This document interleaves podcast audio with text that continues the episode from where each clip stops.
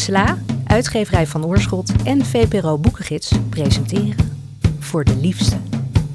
In deze podcast reageren vijf schrijvers op een liefdesverhaal uit de Russische literatuur, waarna ze in gesprek gaan met Ellen Dekwits. Liefdesverhalen zijn van alle tijden. In deze reeks spreek ik schrijvers over het gekozen liefdesverhaal, hun reactie hierop, Russische literatuur in het algemeen en specifiek in oorlogstijd. En in deze aflevering luister je naar de reactie van Gustav Peek op het verhaal Waardoor mensen leven van Tolstoy. In Waardoor mensen leven ontfermt de arme schoenmaker Semyon zich over een zwijgzame jonge zwerver die hij besluit mee naar huis te nemen.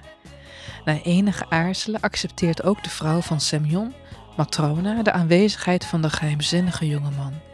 Ze bieden hem hun laatste stuk brood aan en de jonge man glimlacht voor het eerst. Semyon leert de zwerver, Michalnia, het vak van schoenmaker. En niet lang daarna komen er klanten van heinde en verre. Voor een rijke, verwaande klant die een paar dure laarzen bestelt, maakt hij pantoffels. Terecht blijkt, want niet lang daarna overlijdt de klant. Hij zal volgens traditie met pantoffels begraven worden. Voor de tweede keer zien Semyon en Matrona Michalnia glimlachen. Kort daarop bezoekt een vrouw de schoenmakerij. Ze heeft een tweeling bij zich en vertelt dat zij zich over de meisjes ontfermd heeft nadat hun vader en moeder kort na elkaar overleden. Ze houdt van de tweeling alsof het haar eigen kinderen zijn. Na dit verhaal te hebben gehoord, bekent Michalnia aan Semyon dat hij een verbannen engel is die van God drie dingen op aarde moest leren. Leer begrijpen wat er is in de mensen, wat de mensen niet is gegeven en waardoor de mensen leven. Michalnia spoort Semyon aan om een liefdevol leven te leiden. Hij keert terug naar de hemel. Je luistert naar de reactie van Gustav Peek op het verhaal Waardoor mensen leven van Tolstoy.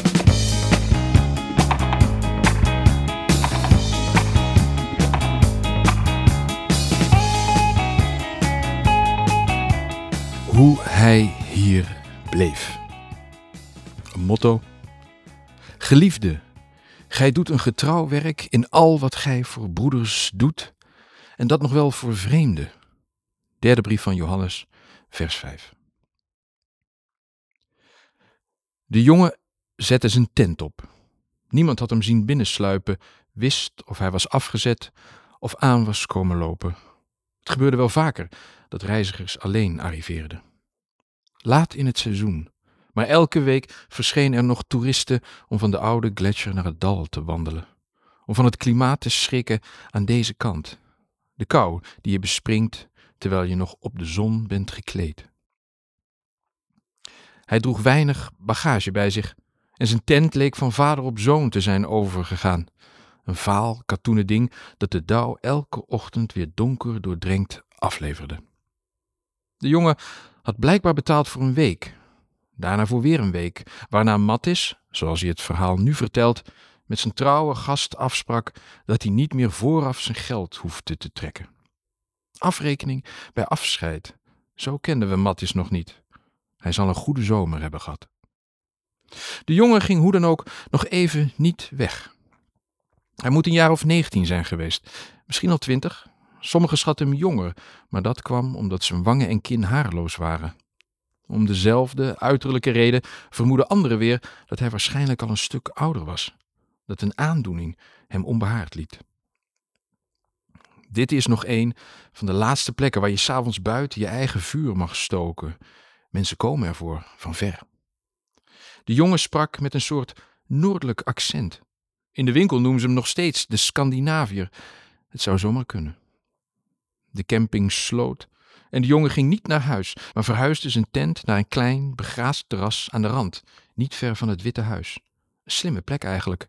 Wat zompig, maar regenwater glijdt er vanwege de lichte helling gemakkelijk overheen. Hij leek ook precies een soort niemandsland te hebben uitgekozen. Een zeldzaam stuk grond zonder eigenaar. Elias is op een dag toch op hem afgestapt, maar dat veranderde niets. De tent bleef zonder boete zelfs. Het was alsof het hele land nu toestemming had gegeven voor zijn verblijf. De bouwmans willen nog altijd niet vertellen waarom ze de jongen thuis uitnodigden, waarmee ze hem hadden gelokt. Verder deden ze er niet geheimzinnig over. Door de ramen kon je hem gewoon zien zitten, aan tafel, in de keuken, het gezin op elkaar gepropt eromheen. Elke avond liep de jongen weer naar zijn tent. Het was dus geen radeloze oplossing voor een van de dochters bouwman. Geen vuur meer bij zijn tent. Hij kookte niet meer buiten, of hoefde het niet meer. Toch gewoon een zwerver met honger en een gladde tong, dachten sommigen nog. Na de bouwmans waren de kellers aan de beurt. Daarna nodigden de Hoebers hem uit in hun salon. Bij de Schneiders kwam hij maar een enkele avond. Ze leken niet ontevreden. Ook niet toen hij daarna vijf dagen achter elkaar de grote glazen woning van de familie Hofer bezocht. Allemaal beweren ze dat hij steeds het juiste zei, alsof hij de woorden in je hoofd kon horen. Hij at niet veel. Ze bleven maar herhalen dat, dat hij sterk was, van zichzelf. Wonderlijk, want niemand zou hem als lang of breed omschrijven, ook Manna niet. Zijn nek was weinig dikker dan een bovenarm. En allemaal schudden ze hun hoofd wanneer ze zich geroepen voelden uit te leggen hoe ze aan hun geschenken kwamen. Welke familie ook vroeg, de Kenzingers of de Rijfs. Zo ernstig en tevreden was iedereen dat er zelfs geen dode, rijke oom uit het zuiden verzonnen hoefde te worden. Alleen oude Gert, die als jonge man vanwege een lange, strenge winter toen nooit zijn onderdeel had weten te bereiken, bleef achterdochtig. Hij noemde de jongen Vos, hield steeds een denkbeeldig wapen aan zijn schouder wanneer hij de knaap zag passeren. Oude Gert vonden ze in zijn bed. Er was al een week niemand meer geweest om hem op zijn verplichtingen te wijzen. Zelfs nu alles is gesloopt, hangt er nog een vreemde geur. Familie ben ik al lang ontwend, maar op een dag bleek het mijn beurt. Het was na een van zijn bezoeken en ik was buiten mijn schuld nog laat op straat. Een nare hoest plaagde zijn jongensborst. Hij had moeite zich verstaanbaar te maken. Je moet daar iemand naar laten luisteren. Hij zal niets horen. Het wordt te koud. Waarom ga je niet ergens binnen slapen? Eenmaal in slaap maakt het de slapende niet meer uit waar die ligt. Je lult je niet uit de vorst die eraan staat te komen. Laat me dan bij jou slapen. Eens kijken of ze gelijk hebben. Wat denk ik nu? Toch maak je je zorgen. Dwazen verdienen onze zorg. Ik weet niet even die figuren die met vlaggen lopen te wapperen. Als je als laatste bent overgebleven, zul je er ook in worden. Dit is wat iedereen aan de keukentafel van je krijgt. Bij afscheid lachte hij minzaam. Zo herinner ik het me tenminste. Zijn kleren lagen naast de tent. Ook zijn laarzen, zijn kokerij en lamp, alles had hij achtergelaten. Er werd bij steile afgronden naar beneden gekeken, maar hij was nergens te ontdekken. Hij was verdwenen. De giften zijn allemaal gebleven. Tijdens zijn dagen hier, van late zomer tot late herfst, heerste er geluk. Niet eerder heb ik om me heen zoveel dagen van blijdschap en rust meegemaakt. Je kon het horen, ruiken. Je kon het aan naderende voetstappen merken, aan gezongen woorden. Zoveel jaren zijn inmiddels voorbijgeraast. We zijn nog steeds gelukkig.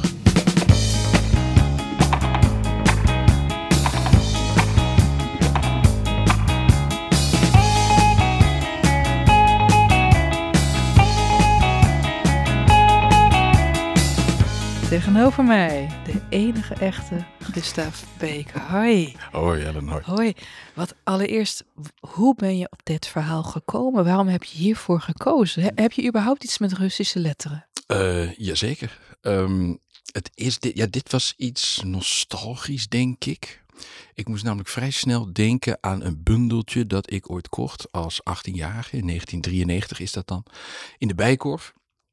En dat was een verhalenbundel die heet Vader Sergius en andere verhalen. En er staan, stonden voor mijn doen toen uh, wonderlijke verhalen in. En uh, ja, die bleven altijd een beetje knagen, zeg maar. Ze waren sprookjesachtig, ze waren uh, religieus, mysterieus.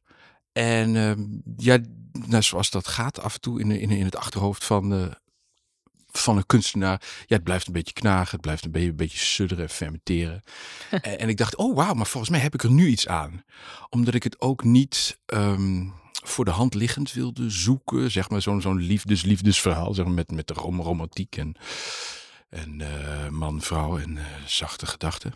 Ehm, ik, wilde, ik wilde iets anders en ik voelde dat ik iets wilde zeggen, denk ik, over ehm, religie over eh, de onmogelijkheid van uh, geestelijk bestaan, over werkelijke gift in het leven. Dus, dus, dus, dus, ik had gewoon wat vragen. Zeg maar. Wat bedoel je met uh, de onmogelijkheid van geestelijk bestaan?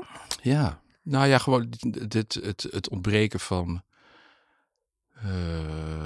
nou ja, het ontbreken van de ruimte om je mentaal te uiten. Eigenlijk gewoon om te zeggen wat er in je omgaat. Hmm. En, en dat je dat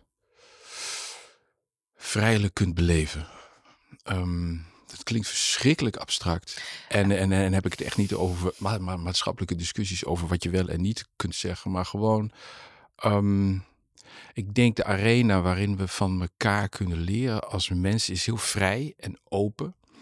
En je krijgt er een glimp van in het werk van uh, kunstenaars, van schilders, schrijvers, componisten.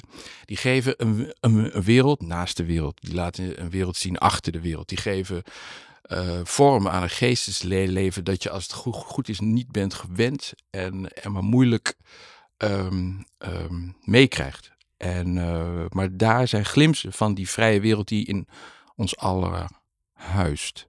Um, en ja, daar, ben ik mee bezig. En, en hoe, hoe wordt dat teniet gedaan? Zeg maar, die, die vrije ruimte in ons alle hoofd en hart. Um, daar, daar was ik over aan het nadenken. Dus, dus ja, die, die grote wil tot liefde, die grote wil tot verlossing. Um, ja, wat, uh, wat kun je daarmee? En een grote wil tot verbindenis, begrijp ja, ik ook uit ja. je woorden. Ja, ja. Ben, ben je eigenlijk, het is misschien ook belangrijk voor de vragen die ik je nog over je verhaal wil stellen. Ben jij gelovig opgevoed? Nee, ik ben wel gedoopt, maar daarna zijn we zelfs niet eens meer de kerk ingedreven voor een nachtmis. Nee, nee. Ben je ooit gelovig geweest? Ik denk het wel, ja, ja, ja, ja, ja. Ik denk dat ik het uh, bestaan van God volledig uh, als iets uh, normaals accepteerde tot een jaar of, weet ik veel, 11, 12 of zo. Ja, ja. En daarna? Daarna begint, begint het lichaam, daarna begint het lezen, daarna begint het denken. En dan vocht er een gouden afscheid. Ja? ja. Is dat, dan, is dat dan een eeuwig afscheid geweest? Ja. Ja, wat ik, waar ik wel veel meer tijd aan heb geschonken, uh, denktijd en voeltijd ook, is aan het verlangen naar uh, iets metafysisch. Daar, uh, dat heb ik veel meer ruimte gegeven. Dus ik ben veel gevoeliger geworden ook voor verhalen erover. Over inzichten erover. Omdat het, het verlangen is echt. En het, het verlangen is menselijk. Dus dat doe je niet door te zeggen dat er geen God bestaat. Dat, uh, want, want het verlangen blijft. We hebben nog steeds een godsinstinct ook. Ja, ja, ja, ja of, of het een godsinstinct is, of het een, toch een algemene vader, universele vaderinstinct is, of een ouderinstinct, of een. Of dat het iets te maken heeft met de wolken waar nog steeds bliksem uit kan komen. Ik weet het niet. Maar het, uh, het, het zijn echte gevoelens van uh, eenzaamheid en verwarring. Die, uh, ja, die wil je oplossen. Die, die wil je in ieder geval zover hebben opgelost dat je verder kunt. Dat je in ieder geval die ruimte tot de dood uh, wat invult. Ja, want de grap is, je vertelde net over de eenzaamheid van het eigenlijk in je eigen hoofd zitten. Met allemaal dingen die je misschien niet via taal kunt delen met andere mensen. En tegelijkertijd proef ik uit jouw verhaal een soort onvoorwaardelijke erkenning. Of dat nou van de, de, hoofd, de jongen is die de hoofdpersoon speelt van andere mensen. Of een erkenning van hoe dat, dat de dingen nou eenmaal zijn zoals ze zijn, zonder dat echt heel expliciet te hoeven benoemen. Ja, dat is een deel van de. Hoe, zou, hoe ga ik het noemen? Dat is een deel van de techniek die, die, die ik heb ingezet in dit verhaal. Kan je daar iets over vertellen? Nou, het, het draait erom um, doorvertellen. Dus, dus op een gegeven moment voelde ik me aanschurken tegen bepaalde orale traditie dus het verhaal heeft een verteller die, die, die zich langzaam openbaart, maar hij blijft doorvertellen. Dus hij noemt ook namen van personages, maar, maar die zijn voor hem geen personages, dat zijn echte mensen. Dus die ga je ook niet uitleggen. Dus je gaat gewoon door. Je gaat gewoon door. Je zit in je, in je verhaal. Je bent iets aan het, uh, ja, aan, aan het uiten, uiten, zeg maar. Het is een echo in je hoofd. En steeds feller wordt, uh, wordt ook die echo beknot. wordt die, eh, ja, moet die gewoon vorm krijgen. Want het mysterie eh, mag niet bevraagd worden of geopend worden. Door wie? Eh, door- van wie? Ja, nou ja, door, eh, nou in dit geval het dorp. En, en, en, en het zal ook wel eens grotere symbolische implicaties hebben. Maar, maar, maar dat, kijk, wat ik nu ook allemaal vertel, is achteraf. Dus ik ben werkelijk gewoon begonnen met schrijven. Met, eh, met een stem. En, en daar kwamen mensen bij en namen bij en gebeurtenissen bij. En op een gegeven moment wist ik dat ik in Zwitserland zat.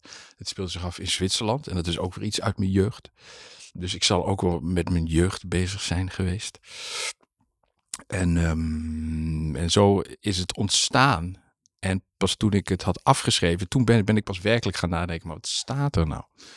En dat heb ik nog een beetje getweakt, heb, heb ik nog wat, wat zinnen aangepast. Maar ik, ik denk dat ik, eh, ja, ik wilde, ehm, ik moest denk ik ook wel ergens uit. Ik heb het verhaal aangegrepen om uit een, een, een, een, een lichte kuil te klimmen. Ja hoor, waarom niet? Uit een lichte kuil. Ja. Waartoe kwam die kuil? Nou ja, eh, vorig jaar een roman afgerond.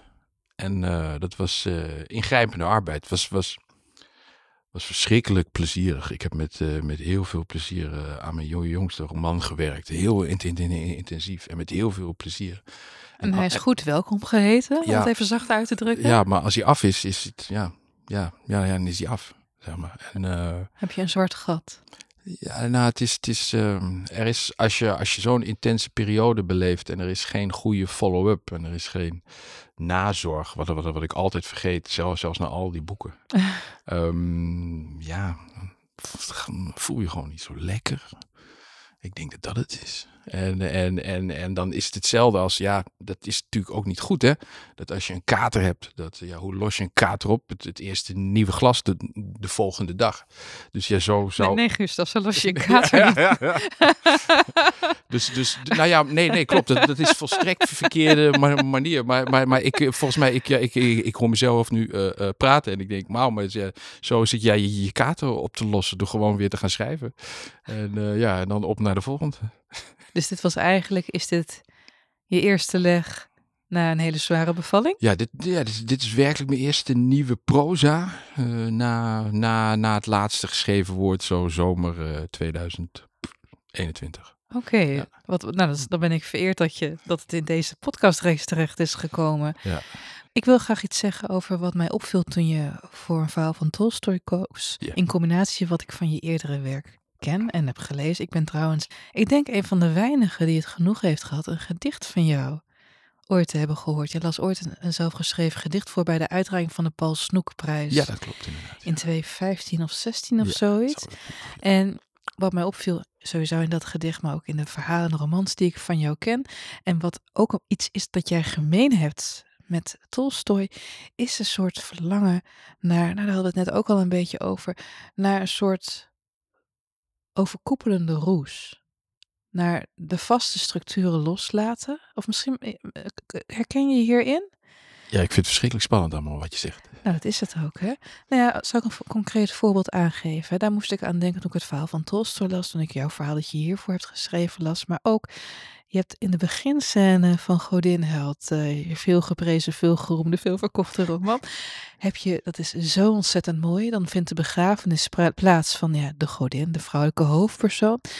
En de mensen lopen in een rouwstoet, maar op een gegeven moment gaan de mensen die bij de begraafplaats horen of die ervoor werken, die gaan dansjes doen en het wordt haast een soort, ik wil niet zeggen een baganaal, maar ze zijn dronken van de dood. En tegelijkertijd voelen ze die levenspuls zo hard in zich.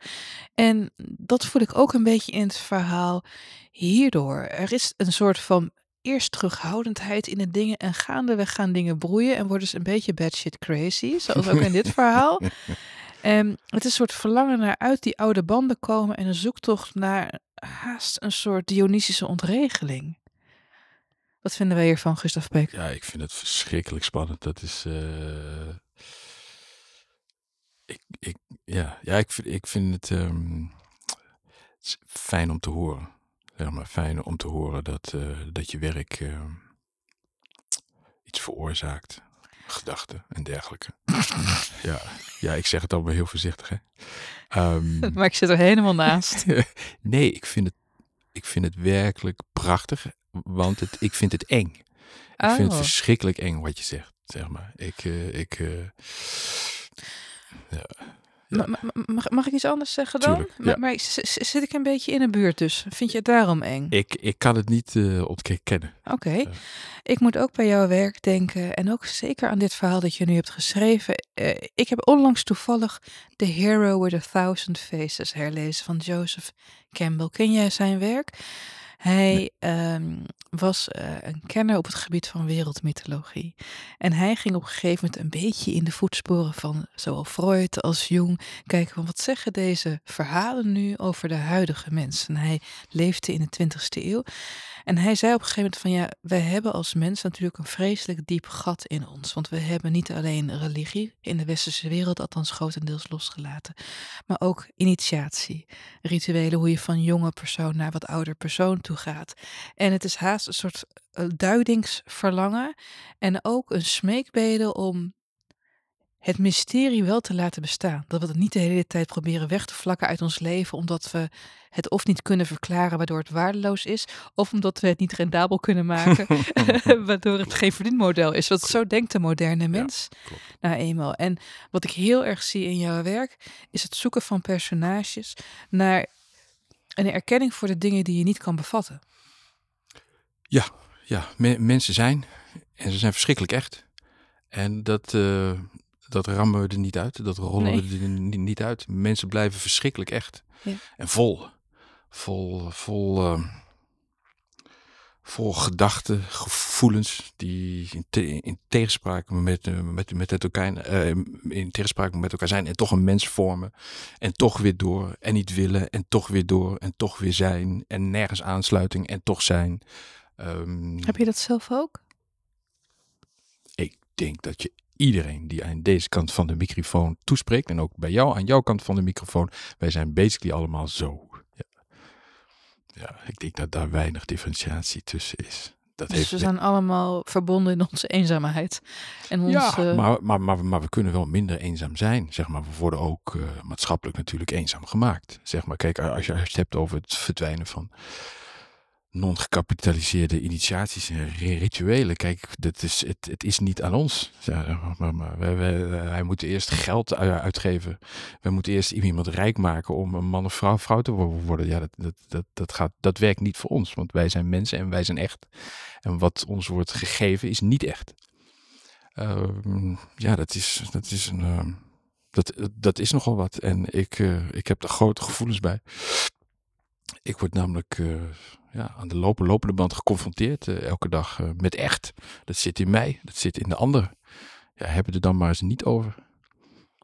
nou, ik denk dat er best wel een taboe op rust. Zeker, enorm. Ja.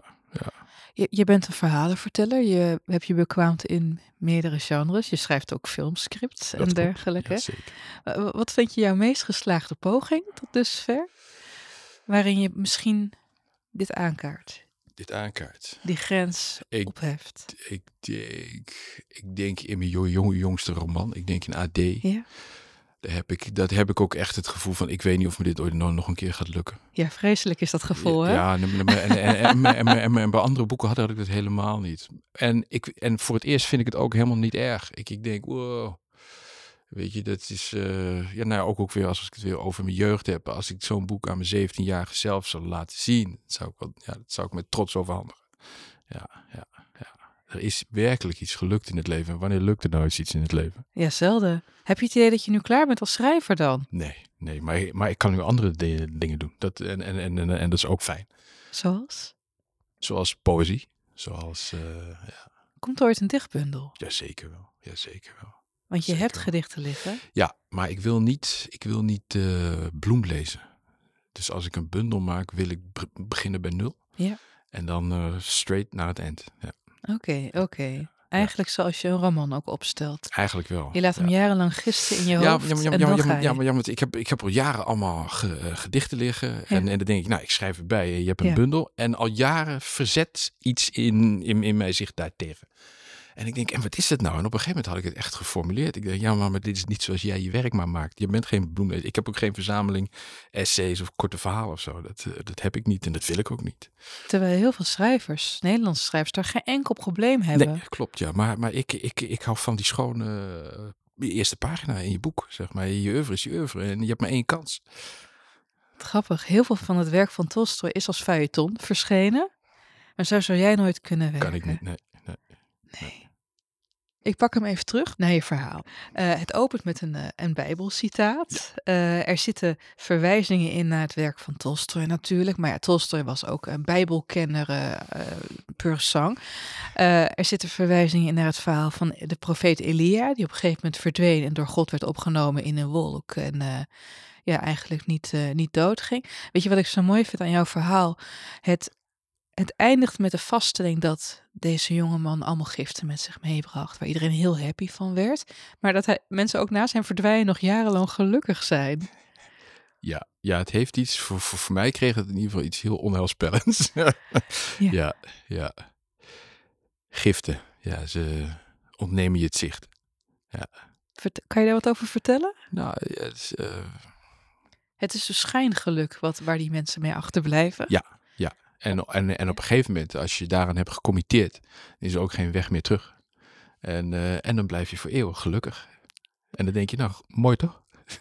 Maar het is, het is natuurlijk geen echt geluk, zoals je het nu zegt. Nee, nee, het is, uh, het is een, uh, ja, hoe zal ik het zeggen, een beangstigende balans. Zeg maar, je hebt, je hebt, it's a deal with the devil. En het komt omdat dit geluk van materialistische aard is. In dit verhaal bleek dat opeens. Okay. Heel wonderlijk. En, en ook de armen vinden het niet erg dat, dat de rijken meer, meer, meer krijgen. Dat had ik echt van tevoren totaal niet ingestopt. Maar dat bleek gewoon heel stiekem sluipende wijs in te zitten. Hoe verhoud jij je daartoe? Want uh, van tevoren hadden wij een gesprek. Ik mag je alles vragen. Het is aan jou of je antwoord op geeft of dat je nu gillend wegrent. Maar uh, ik weet natuurlijk, je, je, komt uit de Peek en Kloppenburg uh, familie. Mm -hmm. Je zult, neem ik aan, misschien ook wel tegen jaloerse mensen die hebben moeten verdedigen daar, daarvoor. Omdat je natuurlijk... eh Ja, ja, ja, jaloers. Um het is anders. Kijk, ik heb. Uh, ik, uh, ik, je, je, bent echt een Marxist geweest, of je bent het misschien nog ben, steeds? Ben ik no, no, nog steeds. En ja? hoe ouder ik word, hoe rooier ik word. dat is. Uh, ja, ja, ja, als mensen zeggen van ja, links is iets voor de jeugd, hoe ouder je wordt, hoe rechts je wordt, nou, dan ben je gewoon een leugenaar. als het goed is, hè, komt er toch een bepaalde wijsheid met, met de jaren. En hopelijk ja. brengt het ook een bepaald rechtvaardigheidsgevoel met zich mee. Dus als je rechtser wordt, hoe ouder je wordt, ja, dan ben je iets aan het onderdrukken. En dan wil ik wel zien hoe je bestaan inricht. Want met mensen die hun emoties onderdrukken, die gaan rare sprongen maken in andere areas. Ja, maar aan de andere kant zou je hetzelfde over, over bepaalde praktische uitwerkingen van links kunnen zeggen natuurlijk. Als je kijkt naar het links in het Sovjetrijk, waarin de bureaucratie misbruik maakte ja, van het is... vertrouwen dat hen werd geschonken. Kijk, dat is, uh, dat is het... Uh, het uh, dat is een uiting van ons smalle narratief over links. Uh, links is heel ruim. Kijk bijvoorbeeld uh, uh, meer dan 100 jaar geleden, Rosa Luxemburg en Lenin vochten elkaar de tent uit. Ja, ja, dat waren echt twee verschillende vormen van links, van communisme. Ja, helaas, Lenin won. Dus de the wrong person won. Maar en, en zo moet, moet, moet het. Er, er, is geen één communisme, want dan heb je er dus niks van begrepen. En het communisme van Lux Rosa Luxemburg spreekt jou meer aan? Enorm, ja. Ja, het ja. humanistische aspect er ook bij. Ja, en, en ja. ook heel praktisch Lenin zetten aan echt op een voorhoede. Ja. Echt, echt uh, ja. ja. dat in, en in een communisme waarin alle rechten gelijkelijk worden verdeeld. Het zit al in het woord. Dat is een onmogelijkheid. Maar hij heeft het toch uh, geïntroduceerd en, en kunnen implementeren. En daar, daarbij heeft hij ook nationalisme ingezet, wat natuurlijk ook super anticommunistisch is. Maar, hoe, hoe krijg je die gelijkheid ooit tussen mensen? Het liefst had ik nu een, een, een, antwoord en dat we het morgen hadden, volgende week. Dat zou ik graag willen hebben. um, ik, ja. Erkenning van de, uh, de 100% gelijkwaardigheid um, van alle mensen. En daar in allerlei vormen van uh, beleid uiting aan geven. Dat is denk ik mijn kortste, snelste antwoord. Dus er is werkelijk geen verschil tussen mij en de buurman. En de buurman met iemand duizend kilometer verder. Of iemand in een kamp. Of iemand in een tank. Of iemand in een te klein huis. Of iemand in een te groot huis. Allemaal evenveel waard. 100%. Nou, als, als we daar maatschappelijke uiting aan geven, dan zijn we al een stuk verder. Mhm. Dat hebben ze geprobeerd bij het communisme natuurlijk. Eh, Ze hebben een po- poging gedaan om een elite in het zadel te krijgen. En eh, dat, dat is ook heel goed gelukt. Ja, hoe, hoe, hoe kijk je naar armoede?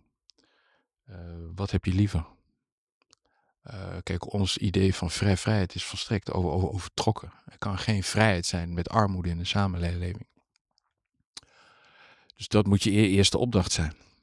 Ehm, en als je daar rigoureuze maatregelen eh tegenaan gooit, ehm, wa- waardoor het, het levensniveau gewoon in, in, in, in forse stappen vooruit gaat. Ik heb altijd een heel, heleboel, ik zit met hele gecompliceerde gevoelens bijvoorbeeld over Cuba. Toen ik er was in 2009, dat was, ehm, dat was ja, een, een platgeslagen samenleving, een angstige samenleving, een onderdrukte samenleving. Maar ik was ook, ik, reis best veel in mijn leven, op plekken geweest waar, ja, waar mensen onnoemelijk veel armer waren. De verschrikkelijk slechte aan, eh, aan toe waren. Eh, even weinig spreekrecht hadden, leefrecht hadden. En, en dat in vrolijk co- communistische, of eh, kapitalistische, min of meer democratische samenlevingen. En, en dan ga ik denken, ja, ja wat, wat, wat is het antwoord dan? Zeg maar, hmm. als je in Cuba ziek bent, dan ga je daar in ieder geval niet aan dood. Zoals in Indonesië bijvoorbeeld. Ja. Dus, dus, dus ja, wat, wat, wat wil ik nou? Wat, wat, wat, wat is het antwoord? Het is in ontwikkeling en we moeten blijven le- leren. En we moeten niet dingen vastgooien met nepotisme en met, eh, ja, met oligarchieën en elites. Dat is het Is dat niet onvermijdelijk, ongeacht de politieke structuur die er is? Dat bloesemt toch altijd? Je, nou, du- du- dus daar moet je je tegen wapenen. Ja, ja, ja dat, dat is gewoon je opdracht. Eh, want dat is het grootste risico. Dat, dat is wat we kennen. Waarvan je weet 100% dat het gaat gebeuren als je je niet eh, goed en ferm op- opstelt. Oosip Mandelstam, eh, om het weer even over het Oostblok te hebben, die, die zei over alle. Die, die leeft natuurlijk in een tijd in Rusland dat intellectuelen enorm werden vervolgd. En hij zei: Ja, aan de andere kant is dit wel de plek op aarde waar poëzie tenminste serieus wordt genomen, want je kan ervoor naar de gulag Ja, eh, worden gestuurd. Hè? Zeker, zeker. En het is natuurlijk gewoon vaker geweest, ook, ook in, bij fascistische tradities, dat de intellectuelen als eerste in het busje gingen en verdwenen en zo. De plek die literatuur nu inneemt in de westerse wereld lijkt van minder belang, heb ik het gevoel. Heb je het gevoel dat de letteren nog iets uit kunnen maken? Eh, in de samenleving als de onze? Nee, nee. Nee, maar in de regionen die de samenleving bepalen. Eh, nou ja, eh, literatuur. En, en, en het is ook mijn kritiek op kun- kunstenaars. Hoewel ze natuurlijk niks aan kunnen doen. Er is meer ruimte. Als je die ruimte niet inneemt, dan, ehm, dan kom je erachter wat men politiek met cultuur wil in een land. En dus eer- gaat men eerst sturen door middel van subsidies. En dan heeft men gestuurd en dan heeft men de regels bepaald. En dan ga je instellen op de regels. En dan ga je invullen, aanvullen en inlossen. En je raakt, waar ik het al eerder over had, naar, die- naar die vrije ruimte, die betrekking heeft op ons allen, die raak je kwijt. Nou ben ik niet tegen subsidies, maar wel tegen sturende subsidies. Eh, dus subsidie per kunstproject, dat is vreemd. Je zou de kunstenaar leefruimte moet, moeten geven en dan komt het wel goed. Dan gaat de Hmm. kunstenaar maken. Ehm, maar als je hem geld gaat geven voor een project, dan ga je altijd sturen wat hij gaat in, in insturen. En zo treedt er een, ehm, een verslapping in en een angst. En ehm, daar zitten we nu in en het wordt al- al- alleen maar erger. Ik, ik snap het wel. Kunst is de vijand voor elke, ja, voor elke uitbuiter, voor elke onderdrukker, voor elke dictator. Je moet het toch uitschakelen. Daarom ook in die wat eh, scherper aangestelde samenlevingen mo- moeten ze meteen achter slot en grendel. Het zijn gevaarlijke elementen. Nou, er zijn een paar manieren om ze uit te schakelen. Eén is gewoon in de gevangenis te stoppen. Maar hier in Holland zijn we al goed bezig al jaren met de slow burn. ja, en, eh, dat doen we en, goed. eh, ja, en du- dus, eh, en here we are. Maak jij je zorgen om de toekomst van de lenteren hier? Ehm, ik ben nog nooit zo somber geweest. Ja, ja, ja. En het, ja, je ziet het. ehm, kijk, ehm, we hebben het nu eh, over literaire cultuur ook. Ik, ik, ik denk, dit land heeft enkele fabelachtige dichters. Geweldige schrijvers. Maar het betekent niks als uh, literaire cultuur ontbreekt. Als er, ehm, ja, als er gewoon ja, werkelijk een, een infrastructuur is gecreëerd tussen mensen waarbij kunst bestaat.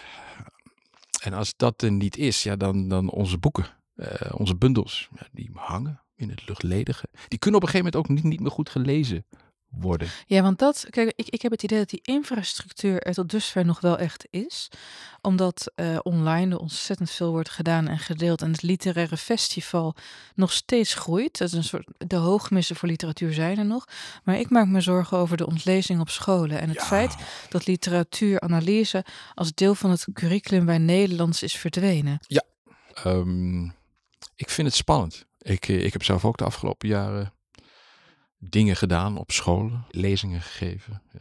Ehm, je voelde wel, en, en, het zal je waarschijnlijk ook zo zijn, zijn vergaan, je, je bent de extra tijd. Je, je bent er, als we nog wat ruimte over hebben op school, Ja. of er is, is er nog een Je bent potje de ergens. bijzaak. Ja, Ja, klopt. Je bent de bijzaak. Ja. Nou, dat is, ja, dat, dat, dat, dat zou je eens moeten proberen bij de stelling van Pythagoras. maar ehm, nee, maar het is ehm, weer, om, eh, om er weer op terug te komen. Dit is literatuur, zoals, zoals andere andere kunstvormen is, een manier om weer in aanraking te komen met onze werkelijkheid. Met hoe echt we zijn en wat de invloed daarvan is. En wat we daarmee ook kunnen doen met onszelf en met ons allen in de toekomst.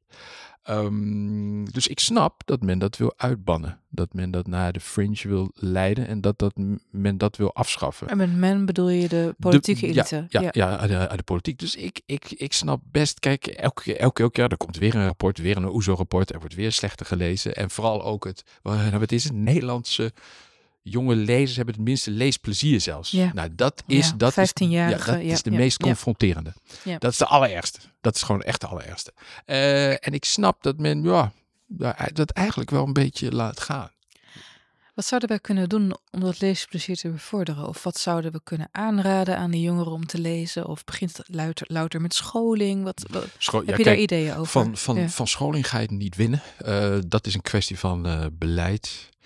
Ehm, dus het helpt er soms ook dat als je er iets aan wilt doen om het te zien als eh, beleid. Zeg maar, ik, ik ben nu sinds kort eh, zit ik bij het eh, bestuur van de Auteursbond. Oh ja, Ehm, eh, ja, om, ja, dat is ook ja, gewoon iets te doen. Ja. En, en, en om die werkelijkheid te, te erkennen van ja, het, het gaat niet zomaar. We kunnen elkaar niet lief aankijken en, en dan gaat het gebeuren. nee. Er moet een collectief achter staan en, en lobby en, en werk en ja, dossiers. Ehm, eh, dat ook. Maar ja, van het, het, het onderwijs is één. Als we daar niet onze vingers op de een of andere manier daar in de buurt van krijgen, dan blijven we altijd, ja, dus dweilen met de kraan open. Afschuwelijke uitdrukking is dat. Maar ehm, voor de rest, wat eh, ons volk misschien kan doen, is eh, meer lezen, meer uitdragen. Nou, de grap is, Ja. dat doen we natuurlijk met deze podcastreeks Ja. en zo. Ja. Ehm, wat ik ook heel leuk vind om te horen, is dat jij als 18-jarig mupje in de bijenkorf bij de, een, een, een boek, kocht, boek Wat las jij als jonge man nog meer, wat jou echt gewoon prikkelde om meer te gaan lezen? Dus waren daar Russische klassieken bij? Was er... eh, Eh, ja, ja, wa- wat was het? De, de gebroeders Ka- Karamazov. Ja, dat ja. was. Ja, ja, ik ben geen eh Dostoevsky fan, maar ik wist wel dat ik het moest doen, gewoon om tegen tegen me- mezelf te zeggen, weet je, kom, alleen, hè, dat is, eh, dit moet je gewoon doen, want anders kun je er niet over klagen. ja, true, very true. Ja, dus, eh, maar, en, maar, maar ja, de korte verhalen, die jachtverhalen van eh Turgenev, waren heel belangrijk voor me. Waarom? Omdat er, hij lost heel veel op met stijl. Dus er gebeurt niet zoveel. Nee. Dus ik raakte enorm geïntrigeerd waarom ik zo geïntrigeerd was, terwijl er geen reet gebeurde. Het, Ja. het waren dan weer een stel mannen, hadden de hele dag gejaagd, die zitten s'avonds om het vuur. En ik ben totaal gefascineerd en, ge, en gebiologeerd. Ik denk, hoe doet hij dat nou? Nou, dan, dan, eh, dan ga je ook analytisch lezen, omdat er waarschijnlijk, ja, op, nou, dat weet ik gewoon zeker, op mijn 18-jarige, ja, mijn 18-jarige zelf was daar al mee Toen wilde bezig. je ook schrijven. Tuurlijk, ja zeker. Ja, ja, ja? ja. Dus ben je, ben je ook technische studie gaan maken van eh, Tuurlijk, ja. klassiekers? ja, ja. En hoe deed je dat? Dan ging je in de kantlijn dingen noteren. Of je kijkt, hoe is de opbouw? Ja, wat wordt. Anne, eh, ja, Ja. ja. ja, ik, eh, ik, ik kan dat echt, echt met veel plezier en smaak doen. En ik doe het nog als ik iets lees en, Ja. ik, en ik stuit ergens op. Ik denk, hé, hey, er gebeurt hier iets raars. Ja. En dan gaat mijn hoofd meteen weer aan, aan, aan de slag. Ja, en eh, Ik weet van sommige eh, schrijvers, eh, volgens mij Adriaan van Dis doet dat ook, dat als ze een passage ergens leest die ze echt heel goed vinden, gaan ze hem eerst met de hand overschrijven. Oh, wauw, dat is, weer- ja, dat is, dat is ongelooflijk. Nou ja, wat je ook wil, uiteindelijk, is wat mij op jonge leeftijd is overkomen. Toen was ik, weet ik veel, 22, 21. En toen la- las ik Farewell to Arms van, Oh van, ja. van Ernst Hemingway voor, Ja. voor de tweede keer. En het openingshoofdstuk, dat, dat, ja, dat eh, fabuleuze openingshoofdstuk, nou, dat heb ik echt kapot geanalyseerd. Ja? Maar wat ik wil, is dan, en dat heeft dat hoofdstuk heel sterk, dat je er niet uitkomt. Er zit een geheim ingrediënt in, wat Ja. ik niet kan kraken. En dan zijn we in kunst. En dan gebeurt er iets. Dat is het mysterie. En ik heb er alles tegenaan gegooid. Maar er zit een mysterieus ingrediënt in. En ik krijg het er niet uit, maar het is nodig. Omdat je weet, hier broeit iets onder de letters. Of ik wil doorlezen, maar ik weet niet waarom. Of Er, nou, er, Ja. er gebe- je, je, De tekst je- houdt iets achter klopt. voor ja, je. Ja, klopt. Nou zeg maar, er, zit iets onder de voorwoorden. Er zit, er zit een soort ham of, of een soort werking. Maar nou ja, ik heb de woorden. Ik heb de woorden. Ik heb de sequence. Ik, ik, ik, ik heb dit. Ik heb alle elementen. Maar dan heb ik het nog, nog niet. Nou ja, ja, dat is wa- wat je wil. En bij de, de, de beste boeken hebben dat. Je analyse komt heel ver. Maar dan stuit je op, eh, ja, op het... eh, ja, op het eh, ele- e- elementje wat, eh, ja, wat ze nog moeten vinden. Het is grappig, want dat doen we ook meteen weer denken aan menselijkheid. Eh, Joseph Campbell, waar we het net even over hadden, die, die heeft ook ergens geschreven dat we hebben allemaal als mensen dieptes in ons, maar die kunnen we niet bereiken en die kunnen anderen niet bereiken omdat de maatschappij er luikjes voor heeft geschoven. En dat die dieptes, dat we soms te kort leven om elke diepte te kunnen uitvinden. En dat goede teksten, daar voel je die dieptes, die ondergrondse gangenstelsels. En je hoort af en toe het getik. En is dat een verwarmingsbuis? Is dat een slachtoffer dat uit zijn kelder wil in deze tekst? Wat is hier aan de hand? Ja, ja, ja, ja, nee, ja, wat, wat gebeurt hier? En, Ja. en als het goed is, worden dat ook de grote vragen voor jezelf. Wat gebeurt hier in mijzelf? Ja. Ja, maar dat, eh, het mysterie van zelf, ja, eh, het, is, het is een van de engste. Ja, ik, ik, ik had het nu ook weer in, onze, in ons gesprek hier. Dat eh, ja, jij, jij, jij, je brengt iets te, te sprake over mij. En, eh, en ik, ja, ik, ik word al meteen Nerveus. ja, nerveus, inderdaad. Ja. Dus ehm, Ja, gebeurt dat zo snel? Omdat je bang bent dat je wo- wordt geduid? Of dat je in een hok wordt gestopt? Of dat je betrapt wordt misschien op iets? Nou, het zit niet in mijn. ehm,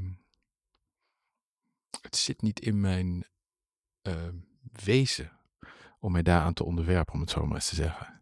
Om gekend te zijn. Ja, zeg maar, ik, ik, ik schrijf die boeken. Ja? Ja, als je, ja, ja, nou ja, kijk, je, je kunt me vragen stellen en, en dan krijg je altijd antwoord. En that's it. Ja, maar je bent ook een tekstgenerator, heb ik het gevoel. Ja, ja. Je heeft altijd een weerwoord. Ja, klopt, klopt. Maar dat is ook mijn manier om, eh, om vorm te geven en om Ja. eh, controle te houden. en hoe doe je dat als je verliefd wordt? Eh, ik blijf mijzelf. Wat, maar wat is dat dan? Want ben je dus nu niet jezelf nu we dit gesprek hebben? Of Nee, nee ik, eh, ik, eh, ik ben verschrikkelijk mezelf, maar ik snap ook, eh, en dat is iets van de afgelopen jaren, dat ik, eh, dat ik dingen doe, dat ik toelaat en afhoud. En, Ja. en, en, dat ik mijn manieren wel een beetje ken van toelaten en afhouden. En dat is eh, misschien niet op de meest gezonde manier verhard. En, eh, maar ja, dat, dat, dat is wie ik nu ben. En, en, en hopelijk ben ik over tien jaar weer iemand anders. ben je dus nu niet blij met wie je bent? Ik twijfel te lang, dus, eh, dus dat is, ja, dat is nee. Grappig. Ja, ik herken dat hoor. Ja. Ik heb ook altijd het gevoel dat ik onderweg ben in een evolutie naar een, eh, een minder haperende versie, eh, versie van mezelf. En dat ik in de tussentijd met woorden allemaal excuses en stoplappen ophang. In de hoop te compenseren voor mijn on- onvolkomenheden. Ja. Of misschien zou elk mens dat eh, natuurlijk wel hebben, maar comfortabel is soms anders. Ja, ja, nou ja, ik, ik, ik hoor jou nu ook, ook weer. het, het, het, voelt niet, het, het voelt niet heel vrij. Zeg maar. het, het voelt niet eh, vredig. Zeg maar. Er is iets eh, wat moet bevredigd worden, wat, het, wat, wat niet helemaal lukt. Dus, het is jachtig. ehm. ja. En, en dan hebben we het nog niet eens over, over het milieu of zo. Maar, eh, Het klimaat bedoel je of het Ja. sociale milieu? Nee, ja, alle, Ja, alle, ja. allebei. Nee, nee, nee, maar het is. ehm, het is moeilijk. En eh, ik vind dan ook van, van, van, van mezelf dat ik het hardop moet eh, kunnen toegeven. Gewoon, ja, niet eens zozeer voor mij, eh, maar, maar voor mijn 17-jarige zelf. Die, die aan de andere kant misschien zit. En die daar misschien iets aan heeft. Ik, ik zou er iets aan hebben gehad. Naar welke waarschuwing heb jij nooit geluisterd? Ja. Bijna alle. Heb je er spijt van? Nee. Eh, ik, ja, nee. Kijk, ik, ik heb over verschrikkelijk veel dingen spijt. Zeg maar. En eh, hoe, hoe ouder je wordt, zeg maar. De, de, de rouwkamer wordt eh, groter en voller. Ehm, maar ehm, ik heb een paar forse beslissingen genomen. eh, zo rond mijn tw- twintigste. En eh bleken allemaal te kloppen. Die Mm, bleken allemaal te passen bij mij. zoals het schrijver worden.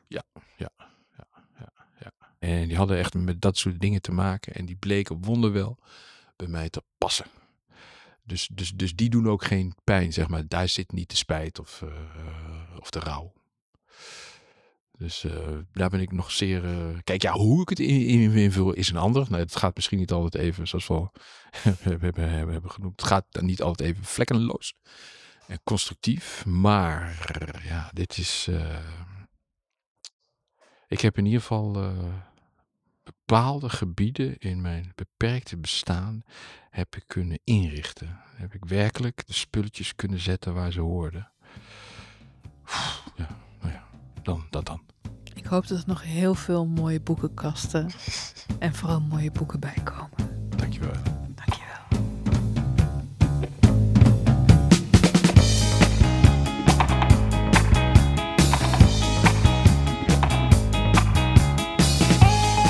In de volgende aflevering luister je naar Ninja Weijers.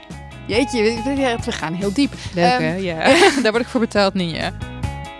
Voor de Liefste is een samenwerking van SLA, VPRO Boekengids en mede mogelijk gemaakt door uitgeverij van Oorschot. Audioproductie is in handen van producer Jasper Schonewille. Benieuwd naar meer audio van SLA? Abonneer je op het audiokanaal Slaakast, te vinden in je favoriete podcast-app.